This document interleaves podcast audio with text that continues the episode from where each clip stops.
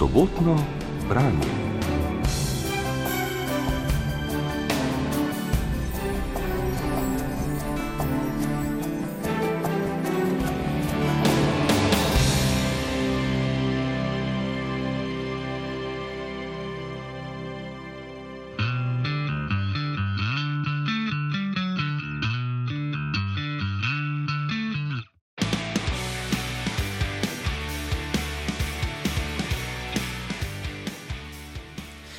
21. junija 1988 se je na tedanjem trgu osvoboditve v Ljubljani, danes je to kaj pa da kongresni trg, zbralo kakih 25 ali celo 30 tisoč ljudi. Demonstrirali so v podporo zaprti četverici in slovenska pomlad je, kot nam vedo povedati zgodovinski učbeniki, tistega dne stopila v novo, resnično množično fazo. No, ta prelomni protest je zdaj popisal tudi pisatelj Andrej Blatnik v svojem najnovejšem romanu, ki je pri založbi Goga pod naslovom Trg osvoboditve išel konec pomladi, tik pred 30. obletnico osamosvojitve. Blatnik svojo pripoved začenja takole. Zborovanje je bilo napovedano za ob dveh popovdne. Prišel je kakih 15 minut prej in na trgu ni bilo skoraj nikogar. Organizatori so zbegani, begali z enega konca na drugega, odrski delavci so se vprašujoče spogledovali, tak odr, tako močno ozvočenje za nekaj deset ljudi. Darko je tekel mimo njega, oziral se je naokrog, kot da bi pomagalo, če vsak trenutek preverja, ali morda kdo vendarle še prihaja, da vseh teh kablov niso vlekli za manj. Za nekaj deset ljudi, pa to je bilo premalo. Za manj. Prestregal je njegov vprašujoči pogled in razširil roke.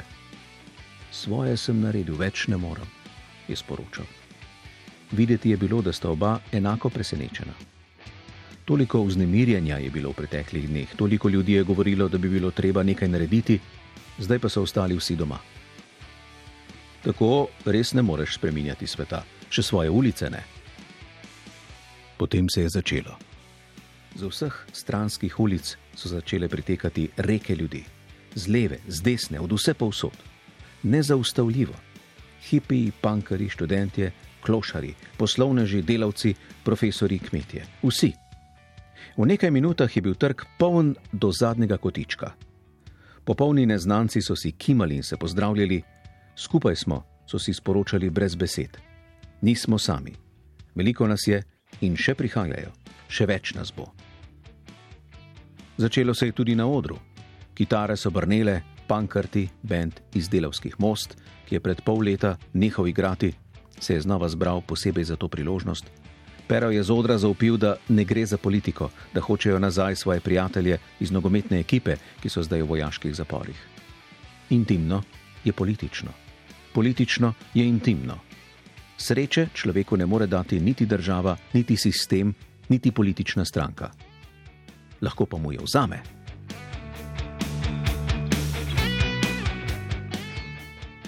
Hej, pas kam stopaš?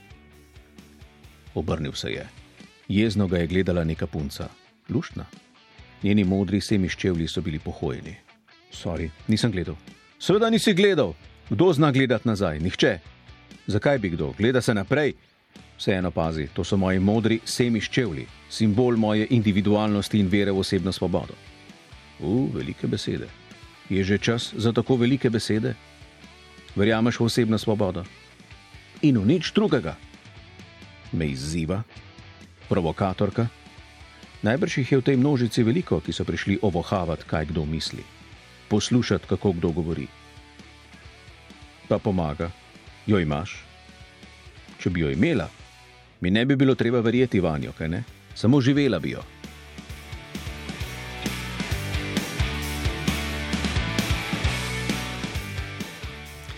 Blatnik torej že na prvih nekaj strneh trga osvoboditve naslika naelektreno atmosfero tistega junijskega dne pred 33 leti. Omogoči nam začutiti nespregledljivo politični naboj v zraku. Obenem pa, kot smo pravkar slišali, to razsežnost ne mudoma dopolni srečanje med nekaj in 20-letnim fantom in prav toliko starim dekletom. Srečanjem, skratka, ki nas napeljuje k misli, da v romanu ne bomo imeli opravka samo z veliko usodno zgodovino, ampak tudi z ljubeznijo, z intimo. In res, ta dvotirnost nas na to spremlja vse do konca manj kot 300 strani dolgega romana, ki v razmeroma skopih, a dobro mirjenih, presenetljivo živih potezah izriše zgodbo Slovenije vse do današnjih dni. Na tem seveda ni vsaj načeloma nič presenetljivega. Pisatelji o pomembnih zgodovinskih procesih vendar že zelo dolgo pišejo tako, da jih motrijo skozi prizmo individualnih življenj, preizkušenj in usod. Tudi vsi, ki so kdaj brali Blatnika, vedo, da pisatelja pogledovanje v preteklost doslej nekaj pride zanimalo. Kaj se je torej spremenilo? Kako to, da se je zdaj lotil pisanja o enem najpomembnejših poglavij v slovenski nacionalni zgodovini? Andrej Blatnik. Vaša ugotovitev nedvomno drži, nikoli namreč nisem bil tak pisatelj. Pravzaprav Vsi moji romani so si iskali dogajalni prostor v neki bližnji prihodnosti, ki bi jo lahko mogoče imeli tudi za ironizirano poudarjeno sedanjost. Ampak eh, veliko krat omenim rek, ki ga je izrekel Jorge Luis Borges in je rekel, da vsak pisatelj na koncu postane svoj najslabši učenec. In odnegdaj me je zanimalo prav to, da bi nekako obrnil to matrico. In zdi se mi, da sem v tem romanu ne samo z izbiro snovi, ampak tudi z nekaterimi narativnimi prijemi, recimo z zelo poudarjenimi dialogi, to tudi naredil. Seveda pa razlog tudi povsem zunanje, ne? kot ste sami ugotovili, zdaj minevajo 30 letja od formalne osamosvojitve Slovenije in se mi je zdelo prav tudi mal pomisliti in premisliti leta za nazaj kar dela sicer skoraj da slehrnik, ampak slehrnik po svojem, do javnega glasu in do razširjanja tega pogleda nazaj, pa prihajajo pravzaprav še najbolj tisti, ki so bili tukaj izpostavljeni kot neki borci za osamosvojitev ali pa si sami predstavljajo, da so bili pomembni borci za osamosvojitev in podobno. Zato sem tudi kot neko narativno izhodišče izbral. Dva, ki to zanesljivo nista bila, dva, če rečem tako z eno tako zguljeno frazo, mala človeka. Je torej trg osvoboditve treba brati kot nekakšen nujen korektiv uveljavljenim oziroma prevladojočim načinom mišljenja, govorjenja in pisanja o slovenski pomladi, o samosvojitvi in tranziciji, ki pač predvsem poudarjajo vlogo osrednjih političnih in mnenjskih voditeljev tistega časa. Je Blatnik s svojim romanom, ki našo najnovejšo zgodovino očitno motri iz žabje perspektive, pravzaprav skušal zapolniti žalostno belo liso v našem kolektivnem spominu. To je običajno glas, ki izostane, namreč glas slehrnika. Ni na ključe, da imamo rek, ki pravi, da zgodovino pišejo zmagovalci. Ne? In prav zato se mi je zdelo smiselno pogledati tudi iz perspektive, ki je tudi deloma osebna, seveda, marsikaj od tega sem kot odraščajoč človek v 80-ih letih in kasnejšem času doživljal tudi sam in moja generacija ni bila ravno v, bi se reklo, prvih vrstah tedanjih političnih struktur, čeprav je predvsej prispevala k mikro in tudi makro klimi, ki je osamosvojitev Slovenije omogočila. Kasneje se je začelo tukaj, kot sicer pri slehrnikih, odmikati to obzorje pričakovanja v smeri nekoliko razočaranja. O tem recimo izrazito pričajo eni izmed tistih, ki so bili takrat zelo opazni, pankrti v svoji zadnji pesmi, to ni več Slovenija. Ne? In to se mi je zdel en tak dost zanimiv izhodiščni temeljni kamen za gradnjo romaneske zgodbe. V trgu osvoboditve gre torej za proces subjektivacije, kako posameznik sprejema, si v sebi razumljivo govorico prevaja in na vse zadnje razlaga kolektivne zmage in kolektivne poraze, ki jih je prineslo valovanje novejše slovenske zgodovine. Prav zato je ključnega pomena, da Blatnik vse skozi piše tako o javnem, političnem, skupnostnem, kakor tudi o zasebnem, intimnem, individualnem življenju. In natanko zato si je tudi mogoče zamisliti bralca ali bralko, ki bi trg osvoboditve ne opisala toliko kot zgodovinski, ampak veliko raje in prej kot ljubezenski roman. Pa je to ustrezno? Andrej Blatnik je razmišljal takole. No, nekje zelo na začetku romana se poigram prav s tem uh, nasprotjem in rečem, da je politično intimno in intimno je politično, ne? kar je gotovo nekaj, kar na nek način velja še dan danes, če recimo pogledamo, kakšne so danes politike sodobne levice in po drugi strani tudi desnice, se dokvarjajo toliko z klasičnimi levo-desnimi vprašanji, kot je recimo lastnina proizvajalnih sredstev ali kaj tasga, če smo malce marksistični, vsi nekako pristajajo na trenutno prevladujoči družbeno-ekonomski model.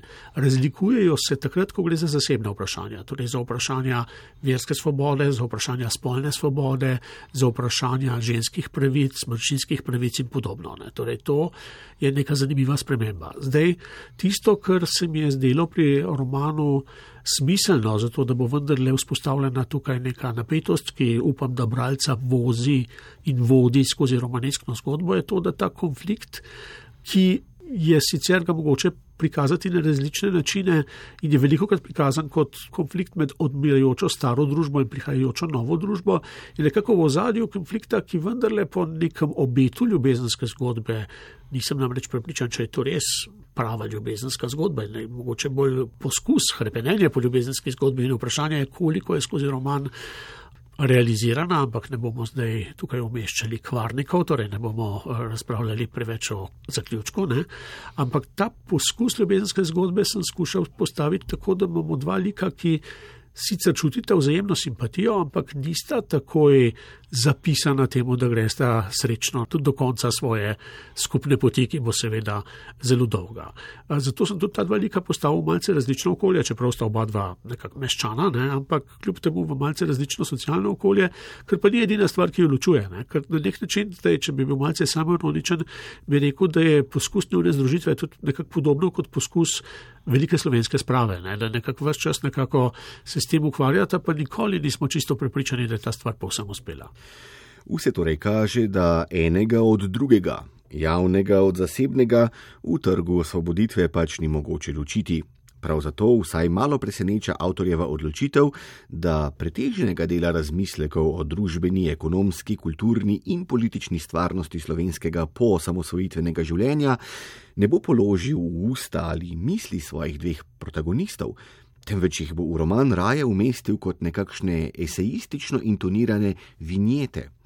Kako si to pojasniti? No, če sta glavna lika dokaj subjektivizirana in uh, tudi svet okrog sebe dojemata izrazito subjektivno, sem poskusil dati objektivnost skozi nekatere značilne označevalce tistega časa, pri čemer nisem izbral samo tistih mogoče najbolj poudarjanih, kot je referendum za osamosvojitev, ustanovitev teritorijalne obrambe in pa 57. številka nove revije, ampak tudi nekatere stvari, ki so po moje osamosvajanje Slovenije tudi povzročile, omenjam recimo Darja Divjakija in pravim, da je njegova oddaja iz 80-ih videomix povzročila, da so mladi ljudje začeli hlepeneti po blišču Zahoda. Omenjam recimo Bojana Križaja, ki je ustvaril na nek način slovensko samozavest ali pa postavil na precej višji nivo, ko se je uspešno kosal, ne samo da je premagoval vse južnoslovanske smučarje, ampak se je tudi uspešno kosal z večjimi in močnejšimi sosedi, Avstrici in Italijani. Omenjam recimo tudi eh, mladena Rudonjo, ki je bil zelo neizrazit napadalec, se je kot reprezentant dal en sam gol, ampak ta je prišel v ključnem trenutku, ne, kjer je nebrž tudi neka paralela s slovensko osamosvojitvijo, smo nekako izrabili ključni trenutek, če bi zdaj malce samo kritično rekli. Ne. In s tem, seveda, na nek način sem poskušal to zgodbo vseeno objektivizirati in jo hkrati tudi razmisliti. To nikoli niso samo dejstva, ampak so tudi dejstva, ki govorijo o nečem drugem. Ravno na primeru Rudanja, nekako je moj zaključek, da je treba upoštevati tudi vse tiste nevidne igravce, ki pač s tem, da veliko tečejo po igrišču, če kar razvijam tisto tezo tam, ustvarjajo prostor za druge. In takih je bilo v času osamosvajanja Slovenije seveda veliko, ne tisti, ki danes veljajo za heroje osamosvojitve, so imeli veliko sodelavcev, ki so jim ustvarjali prostor, bodi si za zasedanje visokih političnih položajev ali pa za kupičanje uh, premoženja. In ti ljudje so seveda nekoliko manj opazni in mnogi med njimi so tudi ustrezno razočarani. In ko je že govora o razočaranjih, se zdi precej pomenljivo, da pisatelj svojega romana ni naslovil tako, da bi bila tako trg, kakor osvoboditev, pisana z veliko začetnico. kar bi slejko prej pomenilo, da besedilo kot ključne za vso zgodbo prepoznava natanko tiste zgodovinsko vznesene proteste junija leta 1988, s katerimi se roman začenja.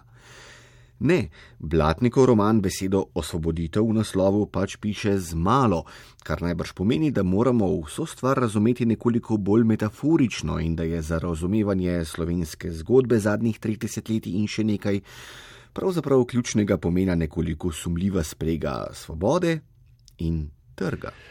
Naslov je eh, zelo večpomenski, ne? Eh, čeprav smo malce to komponento konkretnega trga celo poudarili s tem, da smo dali na naslovnico fotografijo Toneta Stojka sprav tega trga, sprav, prav z dogodka, s katerim se roman otvarja. Ne?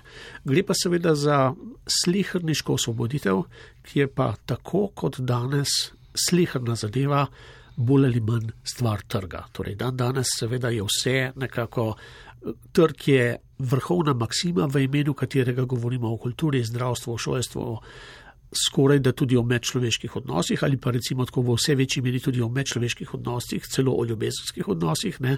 In z tega stališča je tudi slehrnikova osvoboditev z malo začetnico tesno povezana s trgom in z upiranjem trgov, pa hkrati tudi s ponudbo na trgu. In to je bila neka taka, bi se reklo, malce ironična dvojnost, ki sem jo upletel v ta roman.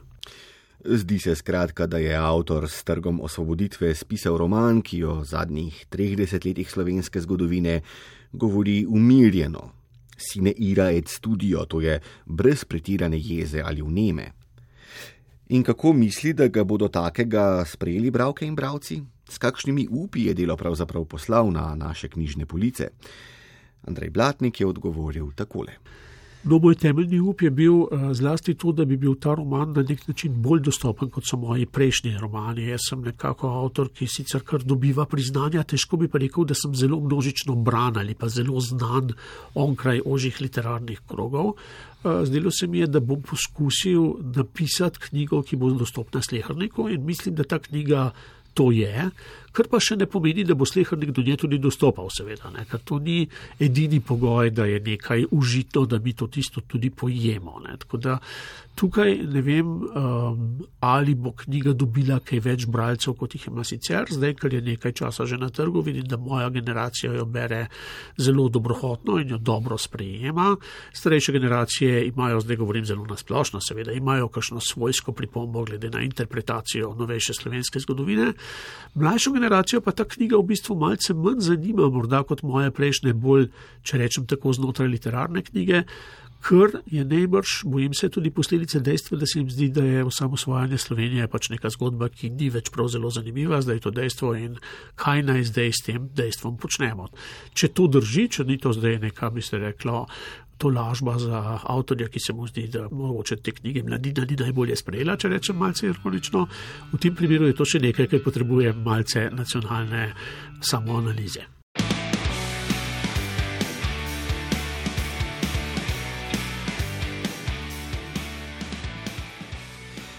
Se ne mara sprašujete, ali ste tipična predstavnica oziroma tipični predstavnik svoje generacije? Sodeč po pravkar slišanem, bi vam odgovor lahko ponudil že kar vaš lastni odziv na trg osvoboditve.